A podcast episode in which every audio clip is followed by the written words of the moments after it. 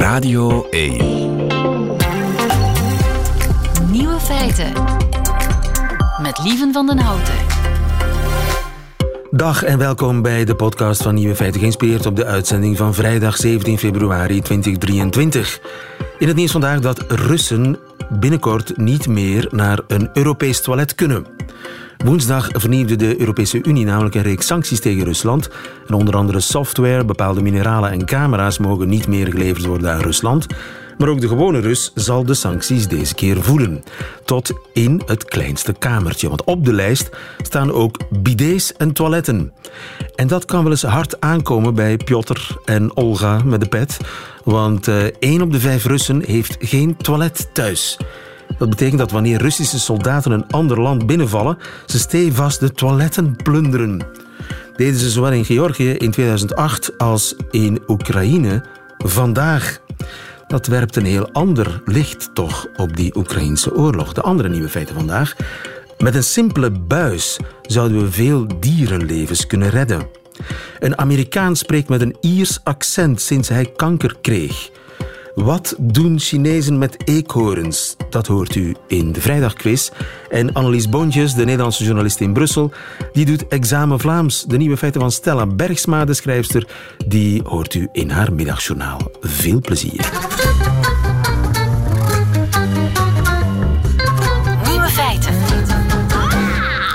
Weet u hoeveel dieren er elk jaar sterven op de Vlaamse wegen? Ik zal het u zeggen, het zijn er 5 miljoen. 5 miljoen, dat betekent 1 per 6 seconden.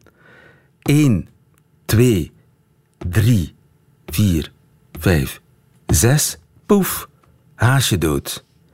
En toch is er een eenvoudige oplossing, zegt Diemer Verkaaien. Met name een buis. Goedemiddag, Diemer. Goedemiddag. Diemer Verkaaien van Natuurpunt. Het grootste slagveld van Europa, is dat Vlaanderen?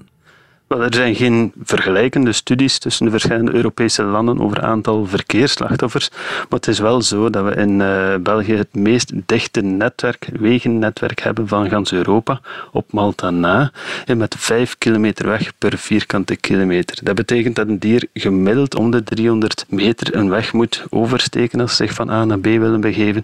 En die buis, hoe breed moet die zijn?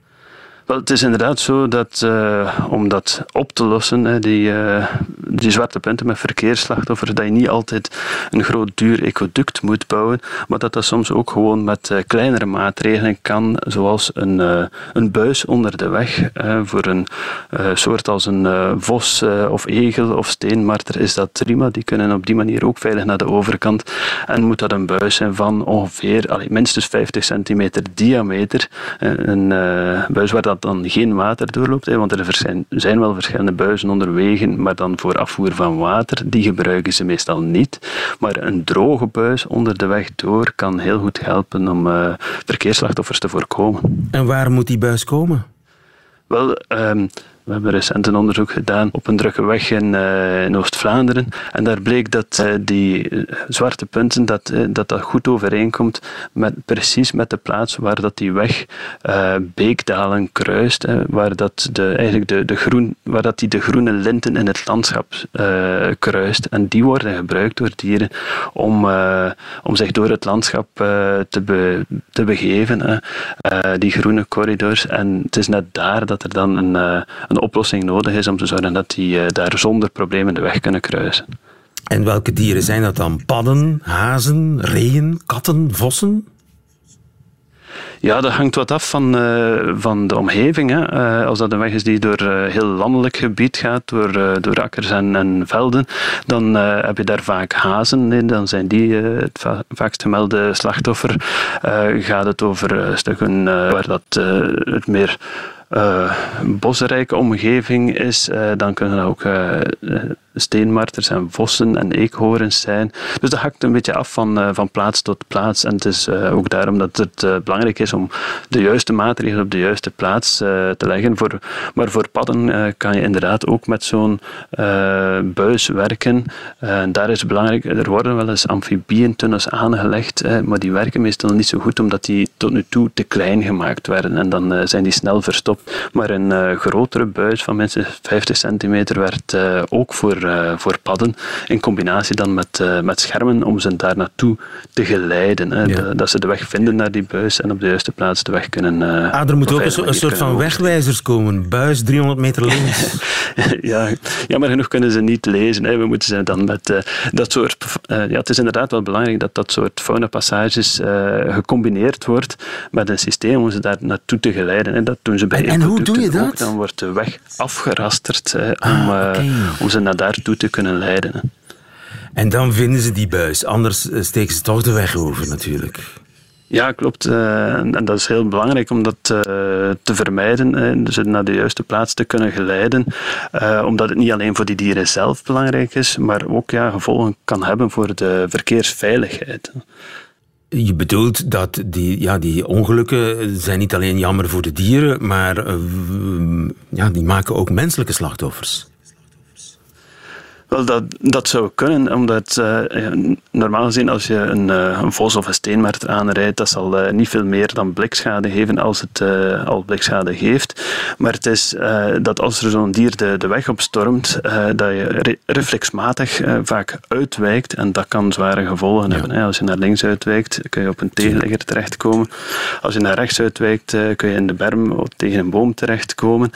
dus dat, ja, die overstekende dieren, dat brengt ook wel een zeker risico zich mee. Dus het is een win-win oplossing, zowel voor, uh, voor onszelf als voor uh, al die dieren die daar uh, slachtoffer van worden. Maar reeën bijvoorbeeld, die kunnen toch niet door een buis van 50 centimeter?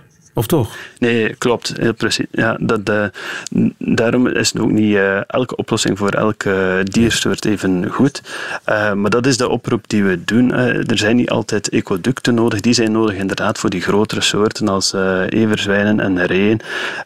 maar voor kleinere soorten zouden veel meer ja, buizen moeten leggen onder wegen, zodat die op een veilige manier naar de overkant kunnen. Ja, maar dat, dat is natuurlijk wel de weg op breken, daar een buis in gooien, weg dichtgooien, dat, is, dat kost wel een pak centen, toch? Ja, absoluut. Dat, uh, als je dat zo uh, moet doen alleen voor die maatregel, dan kost dat gigantisch veel geld. En uh, dat, is, ja, dat is ook niet de bedoeling. dat is on, onbetaalbaar als we dat zouden zouden doen. maar wij willen vanuit Natuurpunt graag de, de wegbeheerders oproepen om als er wegenwerken gepland zijn, van dat daar dan in mee te nemen. Want ja, als die kraan daar al staat, als die uh, signalisatie er al staat, uh, dan is dat maar een kleintje om even een greppel dwars over de weg te graven, er een buis in te leggen en weer toe te doen. En dan, kost dan is dat op de kost van die totaalwerken echt peanuts. Ja. En hoeveel dieren zou je daarmee kunnen redden? Uh, heel wat, ja. In, uh, in theorie uh, waarschijnlijk 90%. Maar dan moeten 90%. we echt heel zwaar inzetten op zoveel mogelijk van die fauna-passagen. Dus dan, zou, dan, dan sterft er niet meer één dier om de zes seconden, maar één dier om de twee minuten of zo. Wel, als dat zou lukken, dan zou dat, zou dat toch al heel veel schelen voor onze wilde fauna, denk ik. Ja. Het is een uh, simpel idee, maar je moet er maar op komen. En het is ook het resultaat van het onderzoek dat jij gedaan hebt bij de Ninoopse Steenweg. Hè?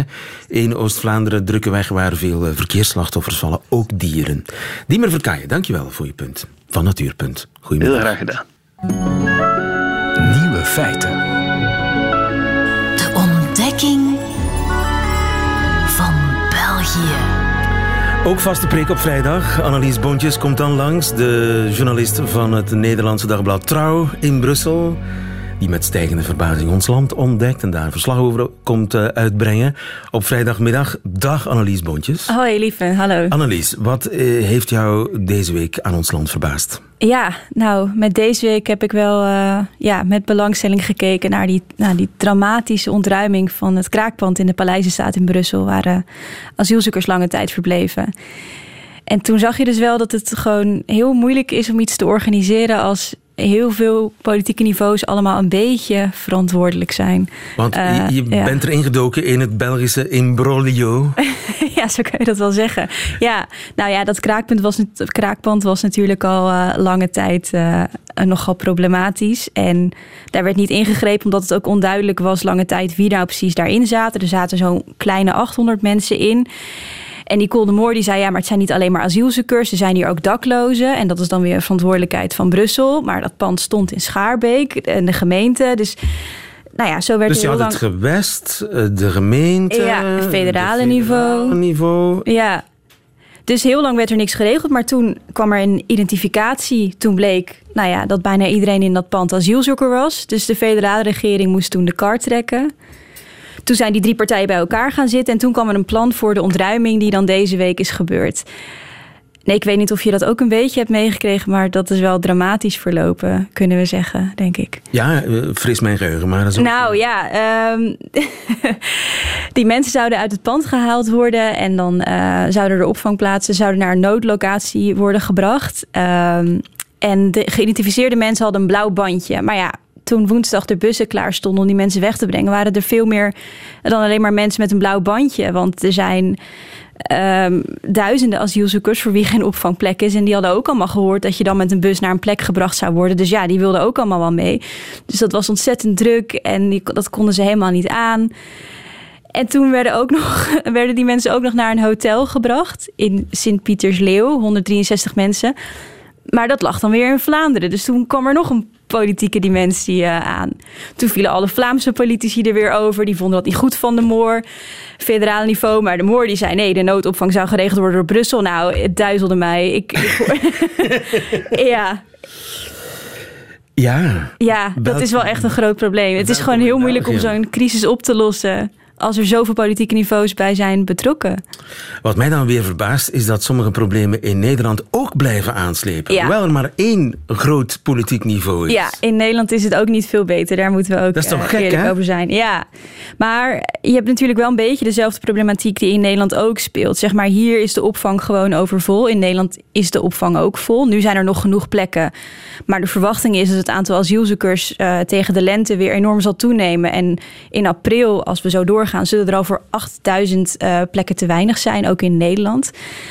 En daar is ook het probleem dat er nieuwe asielzoekerscentra geopend moeten worden eh, in gemeentes. Maar op het, lokale, op het lokale niveau is er gewoon heel weinig bereidheid om daar aan mee te werken. Iedereen zegt niet in mijn achtertuin. Dus eigenlijk wat je hier in België hoort, hoor je in Nederland ook. Alleen zijn er daar iets minder eh, diverse politieke niveaus. Dan is het gewoon de gemeente Ja. versus Den Haag. zeg Ja, en de provincie. Oké, dus toch. ja, ja, ja. Maar niet, maar niet zo erg als hier, moet ik zeggen. Want ja. het is nog ingewikkeld. Heb jij daar voor de vuist weg, denkend uit de box als het ware, eh, een, een oplossing? Is er iets met jouw Nederlandse ogen dat je denkt, maar waarom doen ze het niet zo?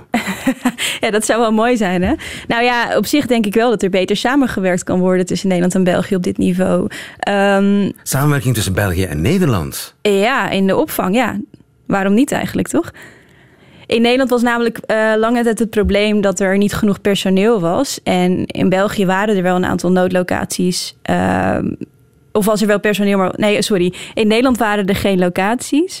En in België was er geen personeel. Maar misschien dat ze daar wel aan de grens wat mee zouden kunnen doen. Samenwerking. Ja? Jeetje. Wie weet. Dat we, daar, dat we daar niet eerder zijn opgekomen.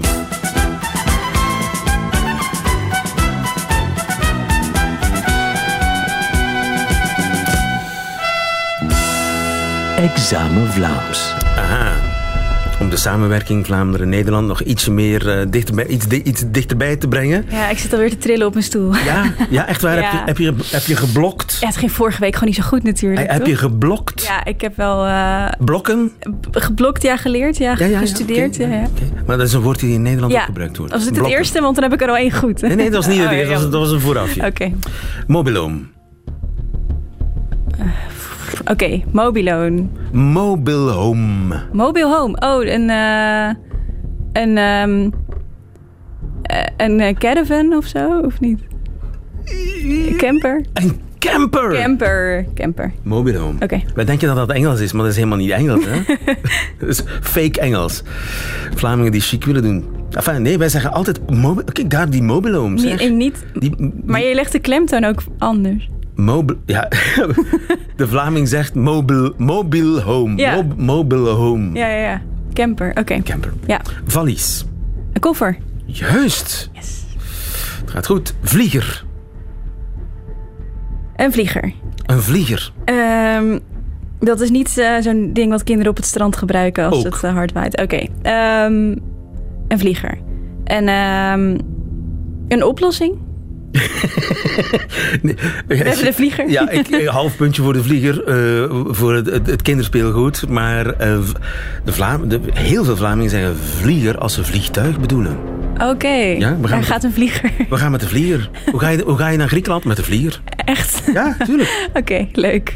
Verlof. Vakantie. Ja? Vrij. Het is niet leuk als je alles goed hebt. Nee, ik zie het. Autostop. File? Misschien? Nee, ik zei het eigenlijk verkeerd. Het is autostop. Autostop. Een stoplicht? Nee. Oh. Autostop is eigenlijk gewoon liften. Oh, oké. Wat zeg je dan? Ik ben aan het auto's stoppen? Ja, bijvoorbeeld, ik, ik, ik doe, auto, doe, je doet auto's Je doet auto's stoppen. Ik doe auto's stoppen. Oké. ja, lach ons maar uit. Nee, dat vind ik gewoon leuk. Met de vlieger. Oké, het thema was vandaag vakantie, vrije tijd. Ja. Nog eentje. Sloffen. Uh, dat zijn niet die uh, warme dingen aan je voeten in de winter. Ik geef het op. Ik geef het gewoon op. Je kan breed glimlachend naar huis, want sloffen zijn inderdaad, ja... Pantoffels. Pantoffels. Laat ik jou kennis maken met een stukje Vlaams erfgoed. Een Vlaams icoon, Anne Christie. Zegt het jou iets? Nee, dat zegt Anne Christie zegt jou niets? Nee, excuses, nee. Zangeres, vroeg gestorven, 38 was ze, kanker. Jeetje. Vroege jaren 80 gestorven. Oké. Hele mooie stem, zeer emotioneel. En een van haar hits, ja, daar komen sloffen in voor. Tot volgende week. Dankjewel.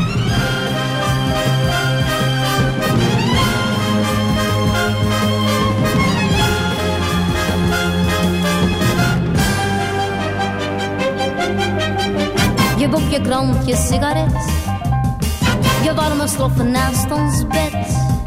En je pleziertjes eens per week. De pijn wanneer je mond. Je scherpe woorden aan het ontbijt de voorgewende vriendelijkheid waarmee je afscheid van me neemt. Het is me allemaal zo vreemd. Dag vreemde man, man van mijn dromen. Jij vreemde man, je komt en gaat. En inderdaad, sloffen, dat zeggen ze ook in Nederland. Klinkt heel Vlaams. Vandaar dat ze natuurlijk wist, Annelies Boontjes. Anne Christie en Dag Vreemde Man. Nieuwe feiten.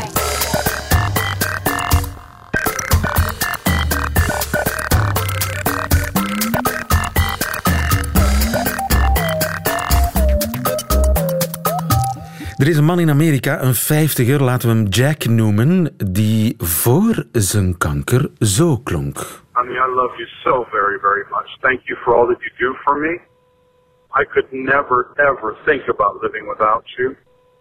And hopefully, I'll take my last breath loving you. Ja, een klassiek Amerikaans accent zou ik zeggen. En sinds zijn kanker klinkt hij zo. Another birthday.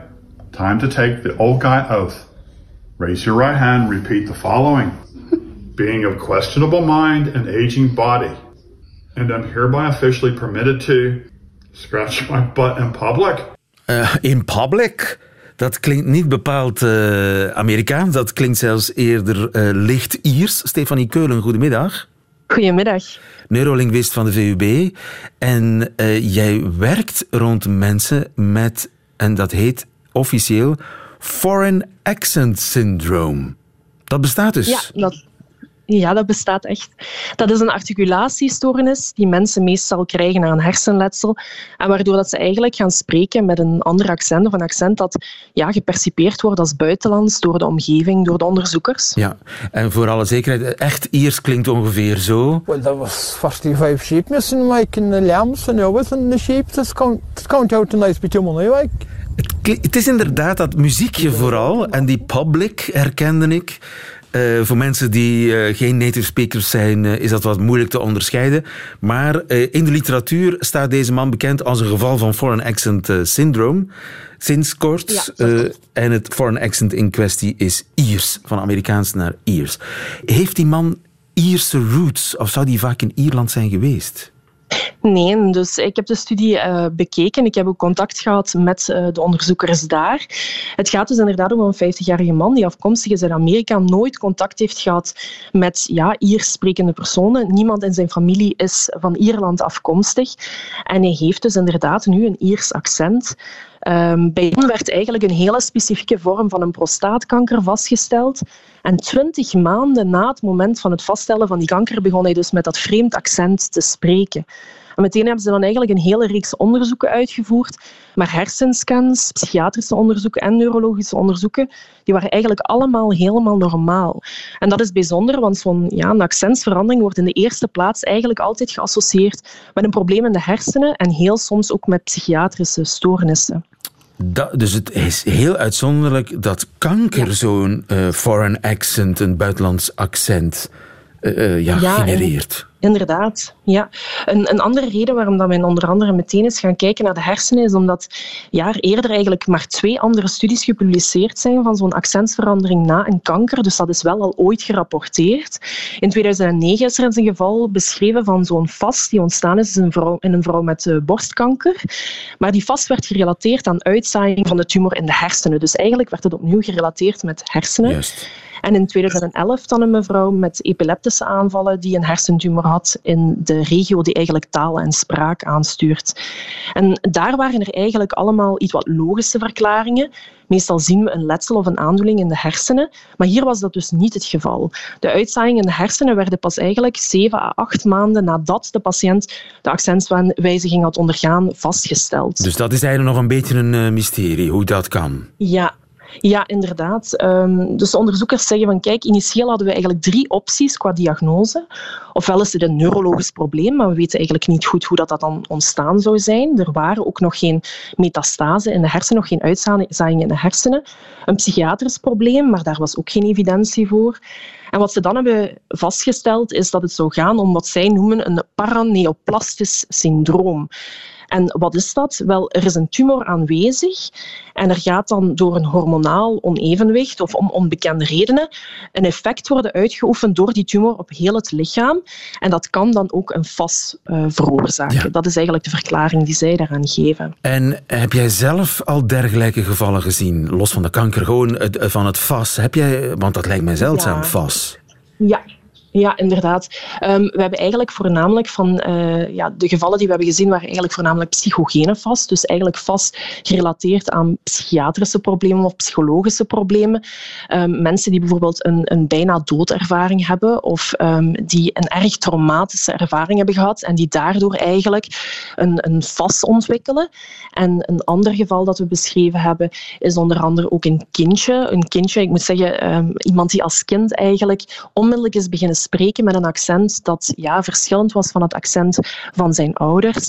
En um, ja, dat hebben we dan een ontwikkelingsfase uh, genoemd. Ja. Die persoon is ondertussen ook al in de twintig um, en spreekt eigenlijk nog altijd met een accent dat ja, als Franstalig gepercipieerd wordt, terwijl die persoon eigenlijk Nederlandstalige ouders heeft en ja, in een volledig Vlaamse context is opgegroeid. Dat is bizar. Franstalig accent ja. in een Vlaams gezin. En dat andere geval, wat voor accent was dat? Wel, dat was, um, dat was eigenlijk twee keer. Het ging om twee patiënten. Um, eigenlijk hebben we er in totaal drie gezien. Twee ervan um, waren Franstalige personen die geëvolueerd zijn naar enerzijds een Slavisch accent en anderzijds een Nederlandstalig Duits klinkend accent. En dan hebben we één heel speciale patiënt gezien die uh, Nederlandstalig was, afkomstig uit Nederland. En elke keer als zij in een omgeving kwam waar dat er zeer veel stress gecreëerd werd, dan ontwikkelde zij wat eerst als een Duitsstalig accent werd ervaren maar dan kon zij ook evolueren naar een jargon, waardoor dat ze eigenlijk compleet onbegrijpbaar werd. En dat viel ook altijd weg, dat jargon en het accent, wanneer eigenlijk de stress in de situatie ook wegviel. Ja. Dus we konden dat zelf ook uitlokken. Bijvoorbeeld, um, dat was natuurlijk niet gewenst, maar we zagen bijvoorbeeld dat als wij met veel mensen in een ruimte waren waar dat wij haar vragen stelden, dat wij zagen dat die persoon eigenlijk gewoon niet meer kon communiceren in begrijpbaar Nederlands. En als de mensen dan weggingen uit de ruimte en ze bij eigenlijk personen in de ruimte stond, die ze kende, ehm, die ze eerder al had gezien, dat ze dan eigenlijk weer normaal kon spreken met haar normaal Nederlands klinkend accent. Maar is het een echt origineel buitenland, buitenlands accent of is het een spraakstoornis die er een beetje op lijkt? Het is een spraakstoornis die eigenlijk, en daarom zeggen ze ook, het accent is in the ear of the beholder. Het is eigenlijk in de luisteraar die door een aantal elementen die in de spraak aanwezig zijn, gaat zeggen, ah, dat klinkt voor mij als bijvoorbeeld Frans, als uh, een Slavisch accent. Het is daarom ook dat we vaak zien dat mensen het eigenlijk zeer generisch gaan kwalificeren. Bijvoorbeeld, dit klinkt als iets Oost-Europees, dit klinkt als Aziatisch. Het is voor mensen heel moeilijk om er echt ja, een specifieke taal aan te linken. Juist. Het hangt er natuurlijk ook vanaf welke talen je kent natuurlijk. Hè. Um, ik bijvoorbeeld ben niet bekend met alle uh, Afrikaanse talen, dus voor mij, ik kan dat niet erkennen um, als bijvoorbeeld gelinkt aan één specifieke Afrikaanse taal.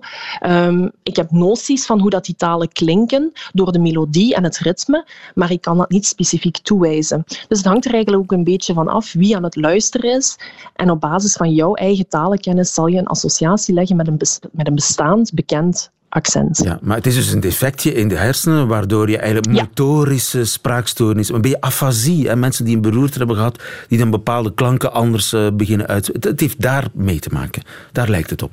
Ja, inderdaad. Uh, afasie is eigenlijk een taalstoornis, waardoor dat je echt problemen gaat hebben met, ja, zelfs uh, met, met lezen kan dat problemen opleveren. Dat is echt begrip dat verstoord is. De productie van taal is echt verstoord. Articulatie heeft meer eigenlijk te maken met de manier waarop dat je ja, de klanken vorm gaat geven. Mensen met afasie hebben echt vaak problemen met het vormen bijvoorbeeld van zinnen en het begrijpen van uh, communicatie. En dat is hier niet het geval. Mensen met vast kunnen perfect nog andere mensen begrijpen. En eigenlijk is het ook, wordt het ook beschouwd als een vrij milde stoornis, omdat natuurlijk de mensen, ja, een accentswijziging is niet zo invaliderend, is niet Ja. zo problematisch voor mensen als uh, bijvoorbeeld echt niet meer kunnen produceren. En dat kunnen deze mensen wel nog. Dus eigenlijk is er niet zo gek veel aan de hand. Uh, je kunt er heel oud mee worden. Het is alleen merkwaardig. Dat is wel zo. Maar het is wel zo dat eigenlijk mensen toch door het feit dat ze dus met een ander accent gaan spreken ook een beetje het gevoel hebben van identiteitsverlies. En voor die mensen die daaraan lijden is dat natuurlijk wel een ernstige stoornis, want zij voelen zich totaal niet meer als persoon die ze waren, bijvoorbeeld voor het hersenletsel. Dus op vele vlakken wordt wel de impact, uh, zeker psychologisch eigenlijk, onderschat. Omdat het maar een accentsverandering zou zijn, zou het niet zo erg zijn als iemand die inderdaad moeite heeft met zich begrijpbaar te maken. En natuurlijk is dat op een bepaalde hoogte wel waar, maar het is niet zo dat die mensen geen impact ondervinden. Ze hebben natuurlijk ook, ja, ze zijn niet meer zoals ze waren voor bijvoorbeeld een neurologisch letsel. Helder, dankjewel Stefanie Keulen. Goedemiddag. Dank u.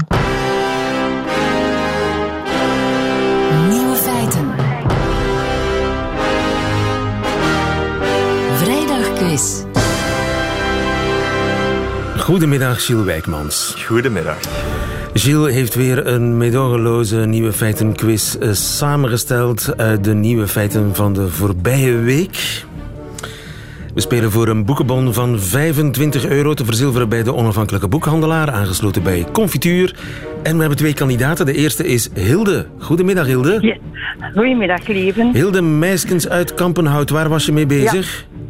Uh, de laatshand aan de vrijdagse kuis gelegd. Maar nu sta ik buiten in de wind. De vrijdagse wat? Kuis? De kuis, ja. Op vrijdag wordt er gekuist in Kampenhout. Zo zit dat natuurlijk. Ja, weet je toch, ja. Genieten van een maar proper Maar huis. nu sta ik buiten in de wind, ja. Ah, heerlijk. In de, in de Ja, lentewind. Ja, in de... eh, ja, Kampenhout is toch al... Is dat een beetje campen al? Voor campen? Vroeg Nee, campen? nee, nee, dat is uh, Vlaamse Brabant, hè. Oh ja, De Vlaams. Wikkeloze Oh, sorry, sorry. Ja, mijn, mijn, mijn geografie is een beetje in de war. Stefan Ja. Noens, goedemiddag. Hallo, goedemiddag lieve. Stefan uit Herend, waar was jij mee bezig? Ik, uh, ik heb juist mijn uh, drumstel in de koffer gestoken. Want jij gaat nog optreden vanavond. Dat klopt, ik ben uh, professioneel muzikant. En, wat is het? Line dancing? ja, dat uh, is net iets anders, maar... Ja. Oh, ik wil, je niet, ik wil je niet beledigen, Stefan. Nee, nee, nee, line dancing... Uh, ik wil het zeker spelen, eh, maar dat is niet voor deze. Oké, Stefan. Eerst nog quizzen. Eh, ik ga jullie kennis testen van eh, vier nieuwe feiten. Ik begin bij Hilde, die zich eerst heeft gemeld. Zolang ze juist antwoord blijft aan de beurt. Fout, dan gaat de beurt naar Stefan. En wie het laatste nieuwe feit goed kent, die wint deze quiz. We zijn vertrokken. Hilde. Ja. De Britse economie ontsnapte in 2022 ternauwernood aan een recessie dankzij één gebeurtenis. Welke gebeurtenis was dat? A. Een bestelling van de Saoedische regering. 54 Rolls Royces. B. Het WK voetbal. C. Het overlijden van de Queen. Ehm één. Je denkt A. Ja, A. Stefan komt in de race. Stefan, wat denk jij? Ehm, dan denk ik eh, B. Dat is helemaal goed. Het had gekund, het overlijden van de Queen. Dat brengt natuurlijk heel wat geld op, hoe cynisch het ook is. Ja. Maar ik, Maar het was het WK voetbal. Inderdaad, ja. In het derde kwartaal van 2022 keek eh, Groot- Groot-Brittannië amai, naar een krimp van 0,3 procent. Maar omdat Engeland het tot de kwartfinales eh, schopte op het WK voetbal, konden pubs en restaurants, vooral pizzeria's, op redelijk wat inkomsten rekenen, net als de reclame-industrie, waardoor het bruto binnenlands product toch steeg met 0,1 procent in 2022. Geen recessie dankzij de voetbal. Vraag 2. Wat kunnen slangen volgens nieuw onderzoek, Stefan? Ik blijf bij jou. Wat kunnen slangen volgens nieuw onderzoek? A. Verschillende smaken proeven. B. Een gesprek voeren. C. Horen. Wat kunnen slangen, Stefan? Ehm, ik zou zeggen terug B. Fout. Het wordt spannend vandaag. Hilde. De, eh, C. je denkt C. Dat is helemaal goed. Wauw. Slangen kunnen horen, ja. Was- Dat blijkt nu pas. Nee, wetenschappers hadden wel al een vermoeden, maar er werd zowat in de, laten we zeggen, de populaire wetenschappelijke kringen aangenomen dat ze niet, goed, niet konden horen of niet goed konden horen en vooral trillingen voelden die via de bodem binnenkwamen. Maar Australische onderzoekers hebben nu getest wat er gebeurt als je een slang een geluid laat horen. ja, op verschillende frequenties, zowel lage frequenties die zich via de grond in trillingen verspreiden, als hogere frequenties. En dan blijkt dat grotere slangen naar het gevaar of naar het geluid toe gaan, want ze hebben toch weinig te vrezen, ze zijn groot, terwijl kleinere slangen er net weg van gaan. Dus ze kunnen uitstekend horen. Ja. Dat is een De ratelslang. slangen, slangen bezweren toch met een fluit? Ja, maar dat heeft meer met de bewegingen van de fluit zelf te maken. Oké. Goed, Hilde, ik eh, blijf bij jou. Vraag 3. Met welke gloednieuwe techniek sporen Chinezen drugs op? A. Eekhoorns. Speciaal getrainde drugs-eekhoorns. B. Hoogsensitieve camera's die zien wat er in je rugzak zit. Die Chinezen kunnen alles. C. Sexy undercover agentes matchen met drugdealers op Tinder. A. Je denkt A. Dat is helemaal goed. Eekhoorns. Ja, Gilles. ze zijn er blijkbaar heel goed in. Eh, het is vooral in het zuidwesten van China, daar hebben ze nu eh, een zestal eekhoorns in dienst genomen die dus speciaal getraind zijn om drugs op te sporen. Ja, ze kunnen heel goed ruiken, want in de, tijdens de winter moeten ze natuurlijk hun begraven eikels en nootjes kunnen vinden. En wanneer eh, een eekhoorn drugs vindt, dan krabben ze een beetje in plaats van dat een hond zou blaffen. En eekhoorns zijn natuurlijk handig, want die kunnen op plekken komen waar een hond bijvoorbeeld niet kan komen. Oké, niet slecht gezien van de Chinezen. Nee. Getrainde drugs-eekhoorns zoeken drugs. Vraag 4, slotvraag voor Hilde. Als je deze vraag goed hebt, dan win je deze quiz. Dus er staat een en ander op het spel. Hilde, hou je vast voor vraag 4. Stefan, het is nog niet voorbij. Hoe probeerde een Boliviaanse gedetineerde uit de gevangenis te ontsnappen? A. Door een fluovestje aan te doen en zich voor te doen als een bouwvakker. B. Door zich te verkleden als schaap. C. Door in een grote doos te stappen en zich te laten versturen, verzenden als pakketje. B. Je denkt B. Ja. Dat is helemaal goed. Door zich te verkleden als schaap. Ja, José Diaz was vijf, voor 15 jaar veroordeeld voor moord. En op een bepaald moment heeft hij, ja, ik weet niet hoe, maar een schapenvacht in de gevangenis binnen kunnen smokkelen. En dus wanneer de cipiers op een nacht zagen dat José niet meer in zijn cel zat, waren ze natuurlijk begonnen met zoeken. Waarop er ineens in een grasveld op de gevangenis een schaap bleek rond te lopen. Maar dat was dus gewoon José die dat schapenvel over zijn hoofd heeft getrokken. En dan toen was alsof hij aan het grazen was. En dat betekent, Hilde, dat wij één winnaar hebben. Ja, dank u.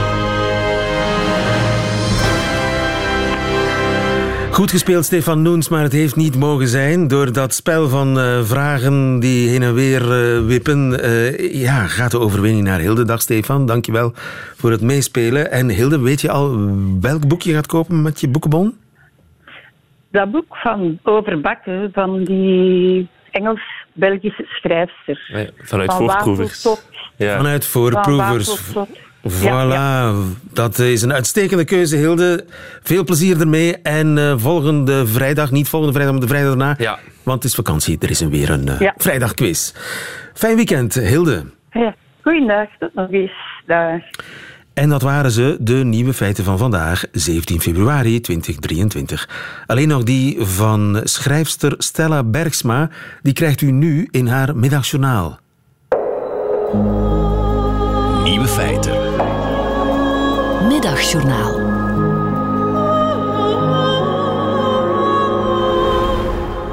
Ja, lieve benedenbuurtjes, we zijn weer aan het eind van deze week. En die wou ik graag muzikaal afsluiten, want naast gedichten schrijf ik ook nog liedjes. En dit liedje gaat over orale seks bij vrouwen. Daar ga ik. Zacht en kersen persik. Proef je binnenst en je lacht overal. Met je mond gesloten en je lippen open.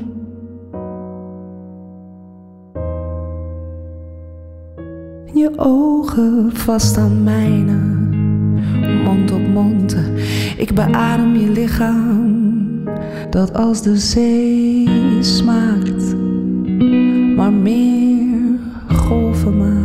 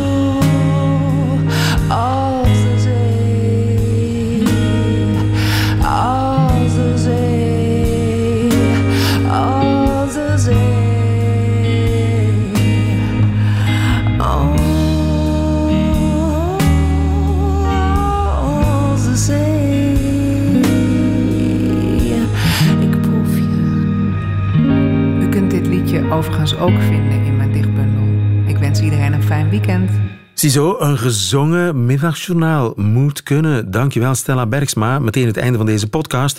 Hoort u liever de volledige uitzending van Nieuwe Feiten met de muziek erbij? Dat kan natuurlijk elke werkdag live tussen 12 en 1 op Radio 1 of on demand via de Radio 1 app of website. Tot een volgende keer.